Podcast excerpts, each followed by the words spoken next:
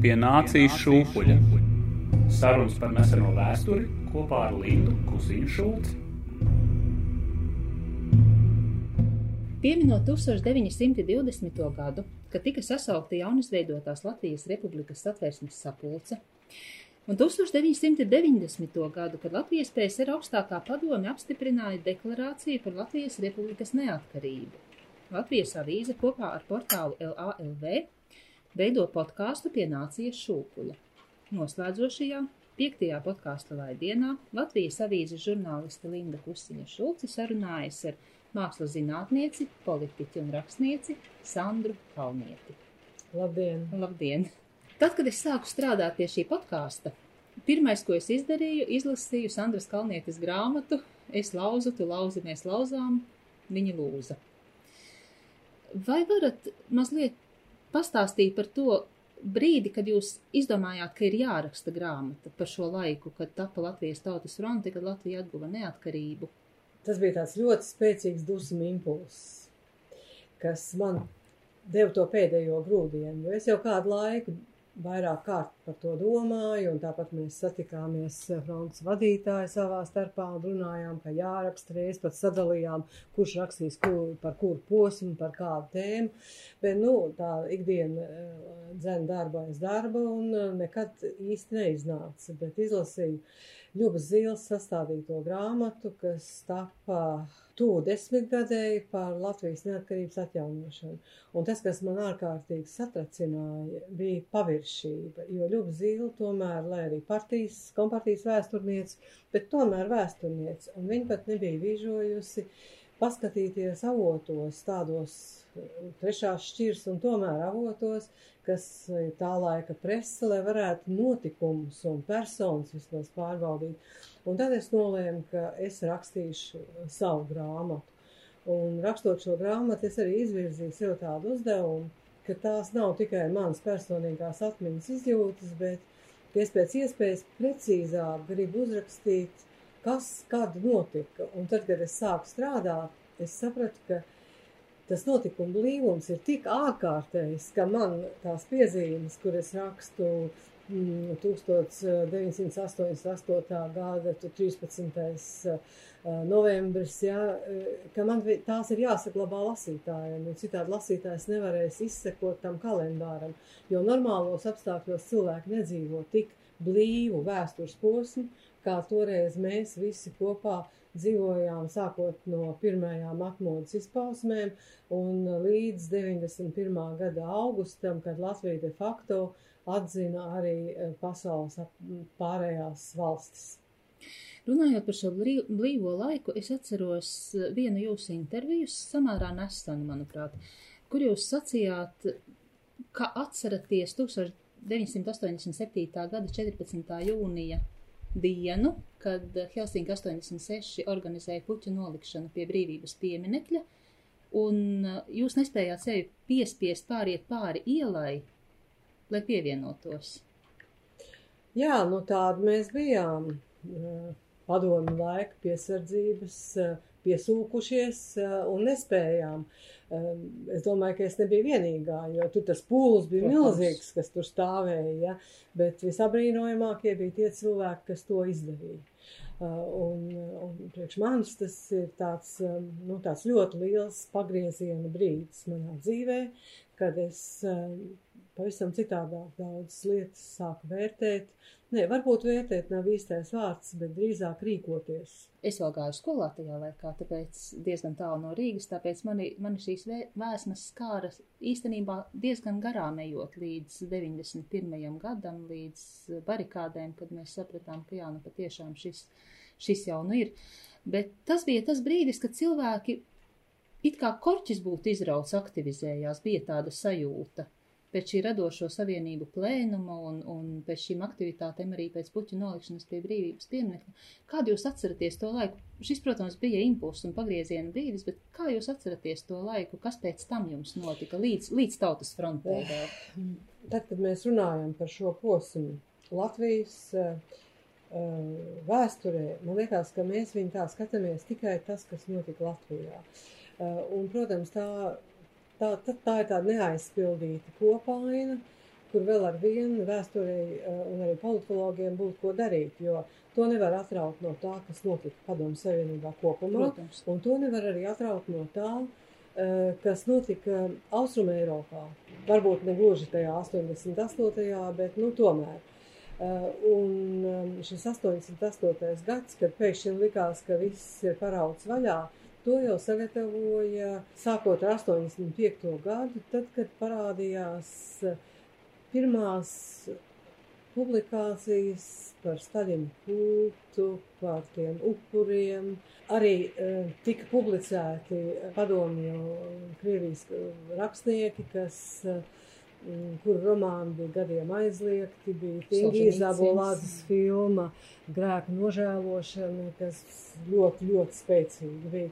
Un tas viss tur tā mutuļoja un murmuļoja, ja, un, uh, un tajā brīdī, kad uh, Latvijā, kas bija viena no viskonservatīvākajām vietām Padomu Savienības, uh, tajā kopumā. Viskonservatīvākajām. Kompartijas ziņā noteikti. Tā. Jā, es tagad runāju par tiem, kam bija vara. Ja? Otra tāda bija Baltkrievija. Es par Centrālo Āziju es ļoti maz ko zinu. Tad mums šis, mums šis vilnis sasniedz tā no 85. līdz 88. Tas palēninājums un pamazam pātrinājums bija tāds ļoti ilgs. Bet nu, tieši tāpēc arī tas bija tik spēcīgi un tik īsā laikā. Un man ir jāsaka arī, ka mm, tas apbrīnojamākais, kas atmodas tajā ļoti īsajā periodā, jo to var mēnešos saskaitīt, cik vispār tas ir bijis liels. Tā mums liekas, sākās tāda un beidzās tāda, bet tautas fronts vēsture ir ļoti tā, tā īstā, ietekmīgā vēsture ir ļoti īsa. Bet tas ir tikai pateicoties cilvēkiem, jo tā disciplinētība, tā līdzatbildība, tā līdzdalība, kas parādījās. Tā bija absolūti vienreizēja, un tāda arī ir iespējama tikai tādos ārkārtīgi nozīmīgos liktenes griežos tautai, kad uh, visi instinktīvi saprot, ka tas ir pavērsiens, ka tagad izšķirās būt vai nebūt kaut kas ļoti liels, jo tad mēs pēc tam atgriežamies normālākā stāvoklī, kas ir mūsu sadzīve, mūsu dzīve, mūsu bērni, mūsu karjera un tā tālāk. Un tā tam arī ir jābūt, jo tādā augstā adrenalīna stāvoklī, kādā mēs dzīvojām to periodu līdz atmodas mērķu sasniegšanai, to neviens ilgi nevar izturēt, jo cilvēki iztukšo sevi. Lai atcerētos svarīgo, sarunas par neseno vēsturi pie nācijas šūpuļa. Un tomēr starp 1987. gada 14. jūniju un 1988. gada to brīdi, kad iesaistāties tautas frontē ļoti aktīvi, paiet periods. Kas, kas šajā periodā, kā jūs šajā periodā jūtaties, ko jūs domājat, vai, vai... Es tajā laikā pirmkārt rakstīju grāmatu. Latvijas tekstilu mākslu. Ja? Es strādāju izdevniecībā, es biju nodaļas vadītāja, un uh, tās mazās izmaiņas, kas jau parādījās, es savā darbā ļoti aktīvi izcīnīju. Uh, piemēram, Zigorts Konstants uh, rakstīja grāmatu par Jānu Pauļu, un tur bija publicēti lieli Uh, fragmenti no tiem Mākslinieku savienības kādreizējiem protokoliem, kad Jānis Pauļuks slēdz atkal ārā no Mākslinieku savienības par formālismu, un galvenais redaktors, kas vēlāk kļuva milzīgs patriots un uh, tā vārdiski, ja, uh, viņš prasīja man, lai tos gabals ņem ārā, un es cīnījos par katru rindiņu, un, protams, ka Konstantam tas bija autoram ir vienmēr ļoti grūti, ja. Protams. Mana grāmata, kurai normāli bija jāsaucās Latviju latviešu padomju tekstilmākslu, kļuva par Latviju tekstilmākslu. Protams, mūsdienu cilvēkam tas izklausās tik nenozīmīgi. Tik nenozīmīgi, bet redzēt šo Latviju tekstilmākslu tieši tā, kā to rakstīja arī starpkara periodā uz mūsu grāmatām runājot par latviešu mākslu, tas bija milzīgs sasniegums. Es par to biju gandarīta. Un tur visādas tādas sīkas lietiņas, ko, ko, ko darīja eh, tajā laikā. Un, protams, vislielākais, kas notika, man bija iespēja atgriezties Mākslinieku savienībā. Jo uh, mana spēcīgākā puse ir tiešām uh, nu, tāda organizatoriskais darbs, un, un Džēmas Kūma man aicināja atpakaļ, par ko es biju ļoti gandarīta, jo Mākslinieku savienības tā īpašā brīvības atmosfēra jau ir tāda vienreizēja. Arī padomu laikā tāda bija. Jā, jā, protams. Un tad nāca devītais vilnis, jo Latvijas, jo, jo Latvijas tautas fronte lasot jūsu grāmatu, pilnīgi ir sajūta, ka tas ir tāds, kas paņēma nomēza visu, kas bija līdz tam, kārtīgā. Nu, visu jau nomēst nevar, jo viena lieta tomēr eh, prasa ļoti ilgu laiku, un tā ir cilvēka domāšanas maiņa.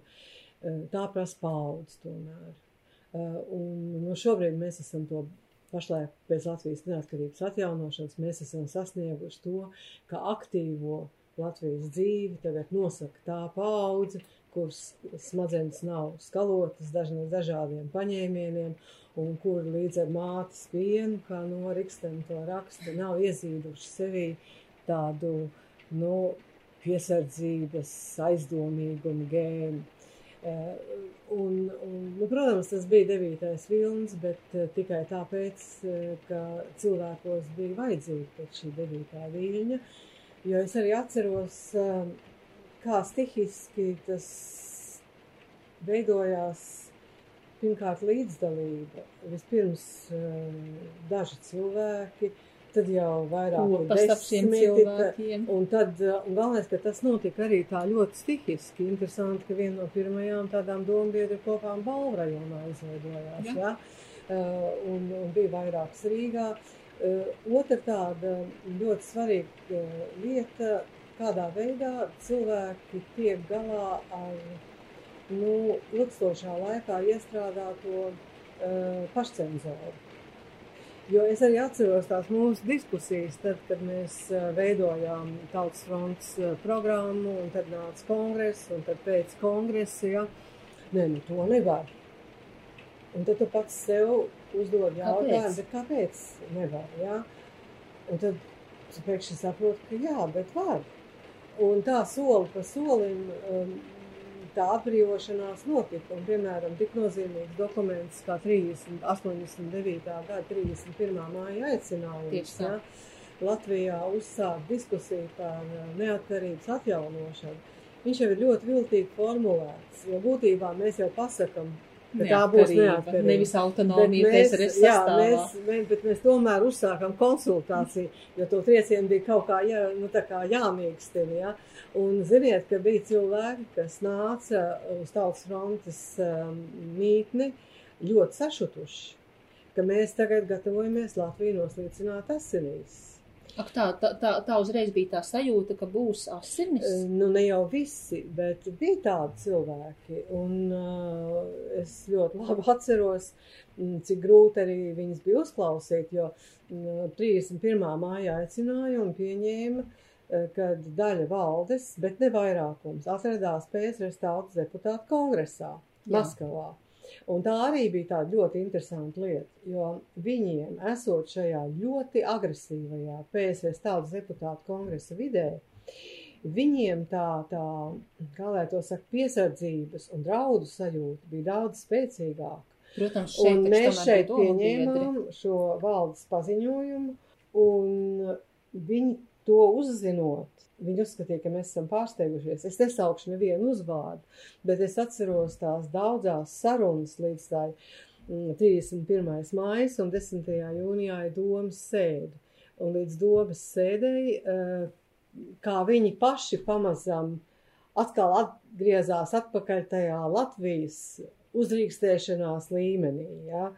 Uh, un uh, visi to atbalstīja, bet no sākuma pirmie, pirmā reakcija vienai daļai bija ļoti piesardzīga un pat pārmetoša. Mēs esam pārsteigušies. Jā, bet, Bet viņi, to cilvēciski bija, ļoti, ļoti labi var saprast. viņi, protams, bija tajā vidē, kur man arī Marina Kosteņecka stāstīja, Jā. kā viņi tur ir jutušies, un, un es domāju, ka to nebija viegli un, un noturēt to Nē, neatkarības nē. ideju. Un es arī gribu teikt, ka mēs nemaz neesam pietiekami novērtējuši to lielo ieguldījumu, kurā nelielā Latvijas deputātu grupa, jo mums jau nebija tā kā Lietuvā, ka gan arī visi ievēlētie, tā. jā, ir Nacionālisti. uh, ir neatkarības atbalstītāji.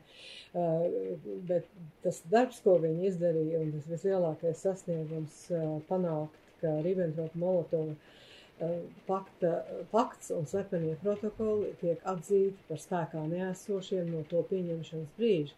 Tas ir viens fundamentāls dokuments ne tikai mums, bet tas ir fundamentāls dokuments arī skatoties no ārpuses, jo uz tas deva iespēju eh, tām valstīm, kas nekad nebija atzinušas eh, Baltijas valstu aneksiju un inkorporāciju, eh, mūs atzīt de facto. Jo, piemēram, um, 91. gada augusta puča laikā, ja mēs tā paskatāmies tā juridiskā situācija, nekādā veidā salīdzinot ar 4. māju, Latvijai nav mainījusies. Jo uh, tas, ko lielākā daļa mūsu sabiedroto, tagadējo sabiedroto teica, jums jārisina šis jautājums Maskavā. Mēs atbildējām, mēs nevaram risināt, tāpēc, ka mēs nekad neesam tam labprātīgi iestājušies. Ja? Eh, Un, un tas, ka, ka pirmās valstis, Isla, Īslande, Dānija, parāva vaļā to de facto atzīšanas um, uh, vilni, uh, tas daļai pamatojās uz to, ka juridiski PSRS bija atzinusi, ka šāds pakts uh, tam nav Aneksija spēka. faktiski ir bijusi, jā. Lai atcerētos svarīgo, sarunas par neseno vēsturi pie nācijas šūpuļa. Nu, re, jūs tagad sakāt par to brīdi, kad eh, apkārtējās valstis eh, sāka mūs atzīt, bet arī tajā devītajā vilnī šeit Latvijā iekšā esot, kāda bija tā sajūta, vai nebija taču tā, ka visu laiku būtu pārliecība, jā, protams, mēs dabūsim savu neatkarību uz paplātes, aiziesim laimīgi saurietā.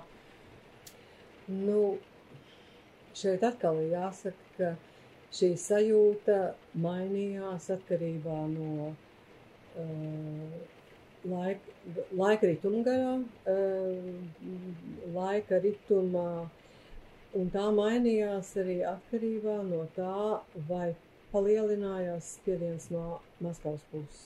Vai bija tāds brīdis, kad jums likās, nē, tas, tas nav iespējams, tas nenotiks? Nē, tāds brīdis man nebija, bet um, es nedomāju, ka tas notiks tik ātri. Hmm. Ja? Jo es domāju, ka retais to arī varēja paredzēt. Nu, Dainis ir viens no tiem ģēnijiem, kas, kas tā domāja. Jo es atceros, ka kaut kad 89. gadā, beigās, ne 90. gada, man liekas, sākumā man intervēja kaut kāda ārvalstu televīzija. Uh, un prasīja, kad mēs domājam, ka mēs pilnībā atjaunosim savu neatkarību. Un es teicu, nu, 6, 7 gadi. Tas ir pāris mēnešus pirms 4. maija balsojuma. Nu, varbūt vairāk, es tik precīzi Nu, neatceros, jā, nu, bet nu, pusgadu. bet, nu- jā, jā, jā. Jo, jo arī, ja mēs runājam par to, kā mēs gatavojamies vēlēšanām, nu, tādas pārliecības, ka mēs spēsim ievēlēt divas trešdaļas deputātu, kas varēs nobalsot par neatkarību, jau nebija, jo Latvijas iedzīvotāju sastāvs. Un ņemot vērā to, ka šeit bija izvietots Baltijas eh, kara apgabala centrs, Kas arī ka šeit bija ļoti daudz balsot. militāru personu, kas visas balsoja. Ja? Eh, Es uzskatu, ka Latvijas tautas frontes eh, sasniegums ir daudzkārt lielāks nekā Lietuvā. Tas, ka mēs vispār dabūjām divas trešdaļas, tas bija tik neticami, un, un es arī varu, varu to atklāt pateikt, ka mēs jau gatavojam scenāriju ilgstošam darbam strādāt opozīcijā. Mhm. Jā, tā tas bija. Uh, un tad, kad uh, 18. martā viens pēc otra pēc pusnakts sāk nākt iekšā uh, uzvārdi, kas ir uzvarējuši, savā vēlēšana apgabalā, mēs pirmkārt vairs nebija, kur iet smagsvariem, kas bija atstāti otrajai kārtai. Vienai daļai tikai pietika vietas, bet mēs bijām ļoti tuvu uzvarai. Un tad sākās druģaina plānošana. Pār, pārējos pozīciju. Jā, tieši tā. Ne, nu, protams, iestrādes tam bija, jo Latvijas tautas frontē bija izstrādāta ekonomiskā programma un vēl citas lietas, ko es tik precīzi arī vairs neatceros, jo, ziniet, ir, ir pagājuši gadi tagad, ja neticam daudz, ja. Bet, bet tas ir fakts, ka, ka šī uzvara mums nāca kā tāda, tāds milzīgs saviļņojošs um, notikums, un kas parāda, ka arī bezcerīgās situācijās, kur visi racionāli argumenti saka, ka vienkārši tas nav iespējams, ja, ja tu ej ar pieri sienā, tu vari to sienu sagraut. Un, un šis ir tieši tas gadījums. Nevēlties arī savā grāmatā, droši vien, ka šodien, ja to lasa eh, kāds, kas neko nezina par to laiku, es ļoti sīk aprakstu detaļās, kā tika piegriezti vēlēšana apgabali. Ja, pilnīgi viena ielas puse ir vienā pusē, otra otrā. Kā tika analizēts iedzīvotāju sastāvs, kā tika veidots vēlēšana likums un, un daudzas tādas detaļas, jo tie ir tie elementi, kuri nav redzami, bieži vien nezināmi, bet tie ir tie, kas rada uzvaru tā interesantā lieta ir tā, ka cilvēki kā tagad ir ļoti dažādi. Arī toreiz tautas frontes laikā cilvēki joprojām bija ļoti dažādi, ar ļoti dažādiem uzskatiem, un tautas fronte bija tik, tik plaša spektra organizācija, ka ir pārsteidzoši, ka šim spektram izdevās noturēties kopā. Tas ir tas, kas mani, jo tajā laikā, kad kad es skolas laikā domāju par tautas fronti vai arī 90. gadu sākumā, nu, man, man nebija tās sapratnes, ka tas tieši, ka tas nebija vienots tāds viengabalains monolīts elements, ka tā bija, nu, trakāk par varavīksni. Nu, tas arī nevar citādāk būt, jo tieši kā jūs teicāt, cilvēki ir ļoti, ļoti dažādi. Ja? Un tas bija viens no frontes tādiem ļoti lieliem uzdevumiem, noturēt visus kopā, un, manuprāt, vairāk faktoru tur nospēlēja lomu. Pirmkārt, fronts vadībā bija intelektuāli ļoti spēcīgi cilvēki. Vienalga, kur uzvārdu mēs paņemam, vai tas būtu nu, Dainis ir emocionāli ļoti pret tāds ietekmīgs, ja, Škapars analītiski ietekmīgs, Sivars Godmans fiziķis, uh, Pēters Laķis, eh, politologs, Filosofs. viens pēc un zinātņu doktori un tā tālāk, jā, un nemaz nerunājot par, par uh, mūsu tur juristiem, un tad vēl tie, kas nāca no trimdas uh, puses, jā, kas visu laiku palīdzēja, kā Egils Levits, valsts prezidents, toreiz vēl, vēl tikai jauns jurists. Tas bija viens no tādiem ļoti nozīmīgiem, un viņi lielākoties bija centristi kas uh, labi saprata uh, virsuzdevumu nozīmi. Un ka šī virsuzdevuma vārdā, neatkarības atgūšanas vārdā, ir pilnīgi viss cits jāpakļauj. Gan personīgie ego, gan kaut kādas sīkākas nesaskaņas, kas ir otras šķirīgas. Un es domāju, tas kritiskais brīdis bija otrajā Tautas runas kongresā, kad kongress gan arī sašķēlās. Un es vēl šodien uzskatu, ka tas bija tāds ārkārtīgi arī uh, Nu, mērķtiecīgs darbs, jā, noteikti, jo, jo, jo centristus, kas domā ar savām galvām un mazāk ar emocijām, sakūdīt ir grūtāk, bet tos, kas stāv spektra vienā vai otrā pusē, viņus ir daudz vieglāk, viņiem ir iedēstīt kaut kādus uh, rīcības programmas vai izgaismot vienu elementu, kas viņam ir pilnīgi nepieņemams. Ja? Tā, tā šodien populisms funkcionē. Ja? Tieši tā, teiksim, jā. neatkarību rīt uz pusdienlaiku un, un nu, nekādas jā. sarunas ar Maskavu. Un, un tas uh, kongresā, kas notika, bija ļoti tuvu tam. Un tad stādieties priekšā, mēs aizietu sašķēlušies no kongresa. Tad mums nebūtu uh, šo divu trešdaļu um, saimnes vēl, no augstākās padomas vēlēšanās, un tāpēc uh, Jūra Rubeņa tā spēja un harisma uh, likt visiem ieraudzīt to galveno uh, un atkal vienoties, tas ir tāds ārkārtīgi svarīgs brīdis Latvijas vēsturē vispār, ko varbūt daudz šodien nenovērtē, bet nu, man vēl ar vienu, kad es izlasu Jūra Rubeņa runu, man tirps iet pār mugurai, uh, tāpēc, ka es atceros to, to bezcerības un izmisuma brīdi, ko mēs pārdzīvojām. Tad varētu teikt, ka tas bija zemākais brīdis, nu tāds bīstamākais, zemākais brīdis visā šajā procesā. Jā, tieši tāpēc, ka tas attiecās uz Latvijas tautas fronti, tas nenāca no ārpuses, tas nāca no iekšpuses, pat ja to inscenēja kaut kādi tur, kas diriģēja kaut kādas lietas. Lai atcerētos svarīgo, Sarunas par neseno vēsturi pie nācijas šūpuļa. Nu, redz, tagad uh, ir Facebookā ik pa brītiņam vai arī komentāros, ja lasa pie rakstiem, ik pa brītiņam izskan, uh, manuprāt, absolūti pilnīgi absurda doma, ka toreiz, uh, kad tika atgūta Latvijas neatkarība, šajā procesā piedalījās komunisti Tāpēc tā nav nekāda īsta neatkarība. Mums ir vēlreiz jāatgūst Latvijas neatkarība. Un tad es nesaprotu, no kā un kādā veidā mēs tagad varētu kaut ko atgūt. Un... Nu, Latvija 90. gados bija tāda, kāda tā bija. Ko tad ar tiem cilvēkiem darīt, kas bija izgājuši cauri no 40. gada, palikuši dzīvi, izdzīvojuši, kurš ar taisnāku muguru, kurš ar mazāk taisnu muguru. Ko tad ar viņiem izrēķināties? Jā? Vienīgais, ko mēs varam izdarīt, ir pamazam sakārtot uh, savu likumdošanu un izravēt no tās to, kas uh, traucē normālai demokrātiskajai sabiedrības attīstībai.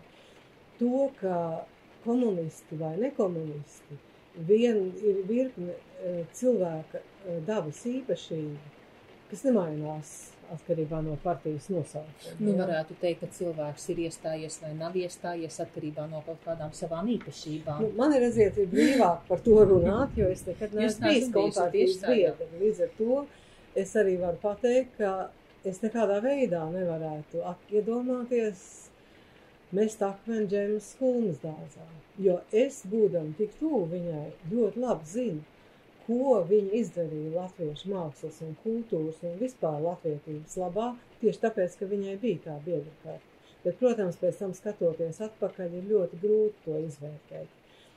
Jautājums par, par, par kolaborāciju ir viens no vissarežģītākajiem, un Latvijā šis jautājums nav risināts. Es arī uzskatu, ka šī komisija, kur izveidoja, lai izpētītu ček, tā saucamos čekas maisus, šī komisija uh, pārāk daudz enerģijas veltīja savu tiesību noskaidrošanai. Ja? Jo es domāju, ka viņiem bija vairāk uzmanības jāvelta tam darba saturam. Uh, un es neatbalstu to pozīciju, kas uzskata, visi mēs vainīgi, jo dzīvojām tajā laikā, vai arī uh, otru uh, galējību ka neviens nav vainīgs. Tāpēc nu, bija tādi laiki. Ja? Tomēr ir tādi ļoti skaidri kriteriji, pēc kuriem var izvērtēt, un man ir, nav īsti pieņemami tas, ka laiku pa laikam, tagad jau vairs ne, jo mēs jau visi veci, ja? bet laiku pa laikam šajos aizgājušajos 30 gados pie varas nāca cilvēki un ieņēma diezgan ietekmīgus amatus, kas bija tieši saistīti ar eh, ļoti neglītām lietām. Es neatceros vienu no bijušajiem prokuroriem, kurš kļuva ministru eh, prezidenta vietnieks, eh, kurš bija tiesājis, man liekas, Daroņinu. Mm -hmm. ja? Laikam kaksīts viņam bija uzvārds. Ja? Man nav šī situācija saprotama kā viņš varēja justies tik labi un ērti un iznākt priekšplānā. Es viņu vietā to nekad nebūtu darījusi, jo es vienkārši justos atbildīgi par to, ka es esmu piedalījusies šajās lietās. Nu, pat ja varbūt es nesapratu tajā laikā, bet nu, tagad jau es to saprotu. Tad tā atbildība jau paliek par to, ko es reiz esmu darījis. Cilvēkam ir tendence attaisnot savu uzvedību. Tas arī ir Nu nu, jā, rīcību nu- izvēle un tam līdzīgas lietas. Citādi jau arī īsti nevar dzīvot vienmēr ar savām izvēlēm. Nu, jā, tāda jau mums visiem ir, bet um, man tomēr gribētos šajā ziņā lielāku skaidrību. Nevis tāpēc, lai nosodītu. Es ļoti daudz esmu nodarbojusies ar Eiropas vēstures politikas jautājumiem. Tā ir viena no tēmām, pēc kuras es esmu pazīstama Eiropas parlamentā un vispār Eiropas eh, tajā lokā, kas ar šīm lietām nodarbojās. Un viens no tādiem svarīgiem elementiem, lai nonāktu vispār nācija pie izlīguma, ir tieši patiesības noskaidrošana. Tāpēc, ka upuriem ir jāsaņem gandarījums, un vainīgajiem ir jāatzīst, ka viņi ir vainīgi. Šeit runa nav par sodu. Ja? Jo šād, šādas komisijas vai, vai komitejas vai kā nu kurā valstī ir sauktas, tādas ir, darbojušās gan Argentīnā, gan Dienvidāfrikā pēc apartīda.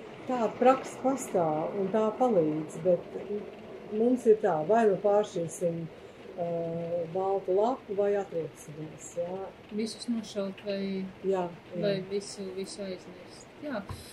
Vai tas, ir, vai tas varētu kaut kā būt saistīts ar latviešu raksturu? Nu, tas droši vien jāprasa cilvēkiem, kas ir sociāli psihologi. Antropologi. jā, antropologi. Bet iespējams, jo tomēr tik daudz gadsimtus eh, mūsu tautas tas eh, svarīgākais virsuzdevums bija izdzīvot. Un to mēs tiešām esam sasnieguši. Mēs esam izdzīvojuši. Un um, tagad, esot Eiropas Savienībā, uh, Latvija ir viena no tām valstīm, kas vienmēr prot meklēt kompromisu. Nevis nostāties tādā pozā, kā, nu, kā to, piemēram, var atļauties kaut kāda lielvalsts. Ja, jo mēs, uh, mēs uh, pre, spējam saprast, kur ir realitātes un kādas ir mūsu iespējas. Un droši vien, ka tas arī atspoguļo to mm, pieredzi, ko gadsimtu gaitā mēs esam uzkrājuši. Jo mūsu diplomāti un, un, un, un arī politiķi tiek uzskatīti par ļoti spējīgiem. Tā ir tā viena lieta, acīm redzot, ko mēs neizdarījām, ko tāpēc, ka sākās trakie 90. izdzīvo, cīņa par izdzīvošanu, mežonīgais kapitālisms, Jā. kampšana un viss pārējais, un revolūcija zināmā mērā, kā katra revolūcija apēda savus bērnus. Vai, vai varēja savādāk? Kā jums tagad skatoties atpakaļ uz, uz uh, to laiku, kad mēs jau bijām atguvuši neatkarību, vai varēja būt savādāk, jo arī pati jūs faktiski nu, dabūjāt ciest no šī atsitiena. Nu, to, kā kurš pārcieš eh, tādas krīzes, eh, tas jau eh, nevienu neinteresē. Interesē tikai tas rezultāts pēc tam. Vai cilvēks ir spējis piecelties un ko viņš ir darījis pēc tam. Un ja mēs runājam par to, vai varēja izdarīt citādāk, nu, ir viegli skatīties atpakaļ un redzēt. Protams. Tas pats par sevi. Bet, um, ja es to jautājumu sadalu tādās vairākās daļās, piemēram, es personīgi, ko es varēju darīt citādāk, es domāju, ka ar savu šodienas pieredzi, ja, es um, pavisam citādāk izturētos pati pret savām interesēm. Jo tajā laikā es tiešām gaidīju, ka kāds, tas bija tāds tā kā latviešu, tā kā padomi latviešu sievietes uzvedības kods, ka tu jau kalpo tiem pieciem gudrajiem, ja, tautas fronts vadībā, jo viņi taču ir gudrāki. Un, un tu gaidi, kad tavā vietā izlems, kur tu kandidēsi vēlēšanās vai vēl kaut ko. Ka Un ļoti- Jā, paaugstinās. jā, jā, un ļoti čakli tu kaut ko darīsi. Šodien es jūtos absolūti līdzvērtīgi, un es nesagaidu ne no viena to, ko ne no viena sagaidīt nemaz nevar. Bet tas ir tas, ko es šodien citādāk darītu. Otra lieta, ko es, protams, esmu smagi maksājusi, es tomēr tik ļoti neatdotos tam devītajam vilnim. Es censtos daļu no sevis saglabāt ģimenē. E, Bet tobrīd ne tikai es daudz tika samalti tajā vilnī, ja? E, ģimenes, es domāju, tika samaltas tajā vilnī. Ja mēs skatāmies uz tautas fronti, es teikšu tā, ka tik tas ir apbrīnojami, cik pareizi mums izdevās nomanevrēt šajā tādā tomēr milzīgajā pretspēka masā, izmantojot to intelektuālo potenciālu, kas bija pilnīgi bez pieredzes. Jo mēs iegājām zemē, kur mums nebija pazīstama ainava, nu nemaz. Ja? Kur jūs veidojāt ainavu? Faktiski? Jā, faktiski mēs veidojām ainavu. Un, un tā ir tāda ļoti, es domāju, vērtīga un pētniecības vērta lieta. Bet, ja mēs runājam par to, kas notika pēc 4. māja, tad es teikšu, ka mm, viena no lietām, kas man liekas, um, ko varēja izdarīt tūlīt, bet kur mēs nenovērtējām situāciju, ļoti strauji vajadzēja izcināt izglītības reformas jautājumu un apmācības valodu. Jo um, tobrīd viss tās uh, um, prokrieviskās noskaņas bija ļoti, ļoti pieklusinātas. Viņas tās attīstījušās un ir augušas augumā, um, pieņemoties arī Krievijas uh, agresīvajai politikai, uh, sākot ar 90. gadu vidu un tad uz augšu un uz augšu. Ja? Un ar katru nākamo gadu tas ir bijis grūtāk, un tāpēc es noņemu tiešām cieņā cepu Kāļa Šadursku priekšā, ka viņš to pēdējo etapu, arī iepriekšējo, viņš tieši bija izglītības ministrs, ja, apmācību valodu, viņš dabūja um, cauri likumdošanas ceļā, un šobrīd tas vairs neizraisa nekādas problēmas. Ekonomikā viss neiedzīgākais lēmums bija certifikāti, jo tur par sviestmaizi varēja nopirkt milzīgus Latvijas ekonomikai svarīgus um, uzņēmumus, infrastruktūras un, un, un citus, un tie certifikāti vēl, vēl joprojām visi nav atpečoti. Un tas jā. radīja neusticību. Nu, protams, ka tas radīja. Un tas radīja arī ārkārtīgi dziļu šķelšanos sabiedrībā pēc tiem, kam ir un pēc tiem, kas nav. Un ir trešā lieta, kura es nestādos priekšā, kā to varētu atrisināt, bet ne mēs vienīgie. Jo uh, gal galā mums ir ekonomikas uh, tomēr liela speciālisti, jo pensija reforma tāda, kāda tā tika ieviesta, droši vien ir pareizi, bet bija jāatrisina viens pārējas perioda jautājums, kas tos cilvēkus, kur lielākā daļa dzīves bija pagājusi padomu nabadzībā, tagad neatkarīgajā Latvijā nenostāda vēlreiz situācijā, gan iz ubagu lomā. Lai atcerētos svarīgo - sarunas par neseno vēsturi pie nācijas šūpuļa. Un, tik, un, un es vēl tagad atceros to ārkārtīgi neglīto teicienu par to, ka jūs taču strādājāt citai, pelnījāt naudu citai valstī. Tas, nu, tas bija... ir neaizmirstams, un to var tikai ļoti pateikt, nu tā strauji, bez domāšanas. Es nedomāju, ka, ka šī, šo vārdu teicēji tā patiesi domā, jo viņi nāk no disidentu ģimenes, kas vienmēr ir bijusi tu, daudz tālāk savā domāšanā pret padomu režīmu nekā, piemēram, man Sibīrijā nobiedētā ģimene. Ja? Bet tas, ka vēl ar vienu šo jautājumu mēs nevaram atrisināt, tas ir briesmīgi, jo, jo es vienmēr domāju, es pat jau esmu pensijā tagad, ja, bet stāvieties priekšā tie daudzie cilvēki, kam ir uh, 20 gadu vairāk nekā man. Uh, jā, uh, un, un, un kādi ir viņu trūcīgie, trūcīgie ienākumi. Ja? Redziet, pat Dievs dusmojās tagad, kad es par to runāju, un, un nekā mēs nevaram atrast veidu, kā viņiem palīdzēt. Nu, es tagad uh, filozofēšu, ja? uh, šobrīd mēs pēkšņi esam atraduši naudu gan Eiropas mērogā, gan Latvijas mērogā, uh, ko mēs varam iepludināt mūsu ekonomikā, uh, lai mēs neļautu um, vēlreiz piedzīvot ekonomisku krahu. Uh, šī, šie līdzekļi nekādā veidā neietilps standarts likumdošanas, budžeta likumdošanas kritērijos. Ja?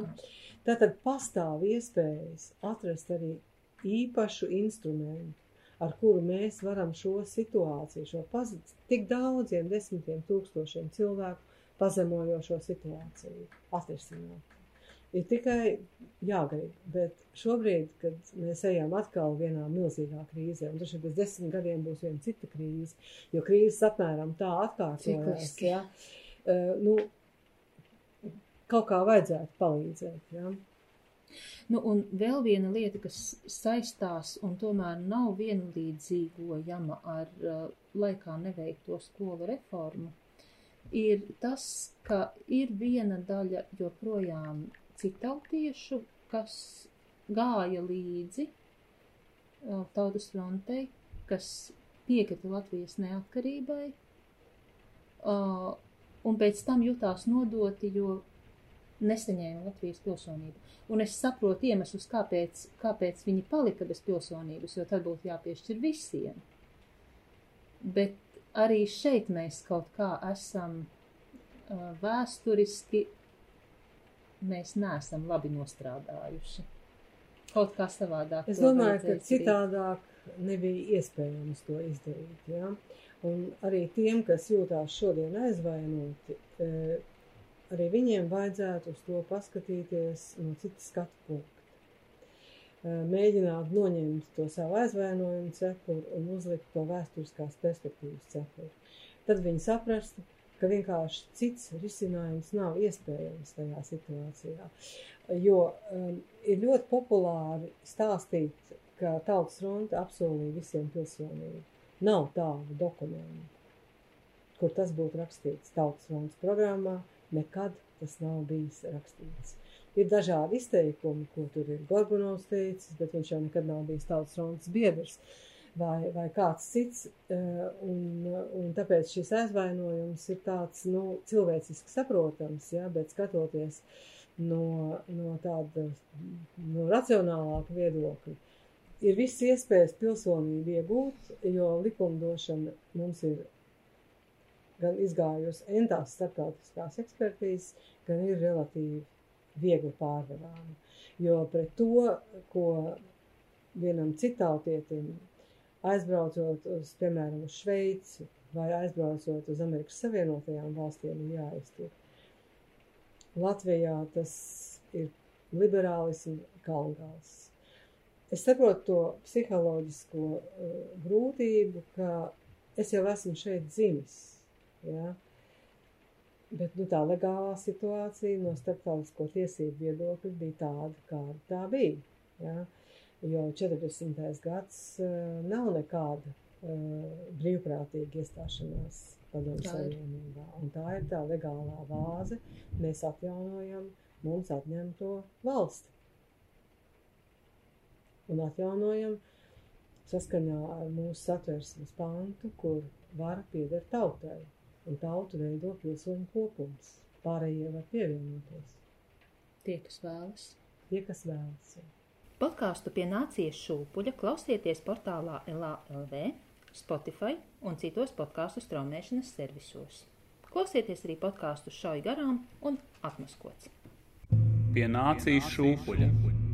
Sarunas par neseno vēsturi kopā ar Lindu Kusiņu Šulci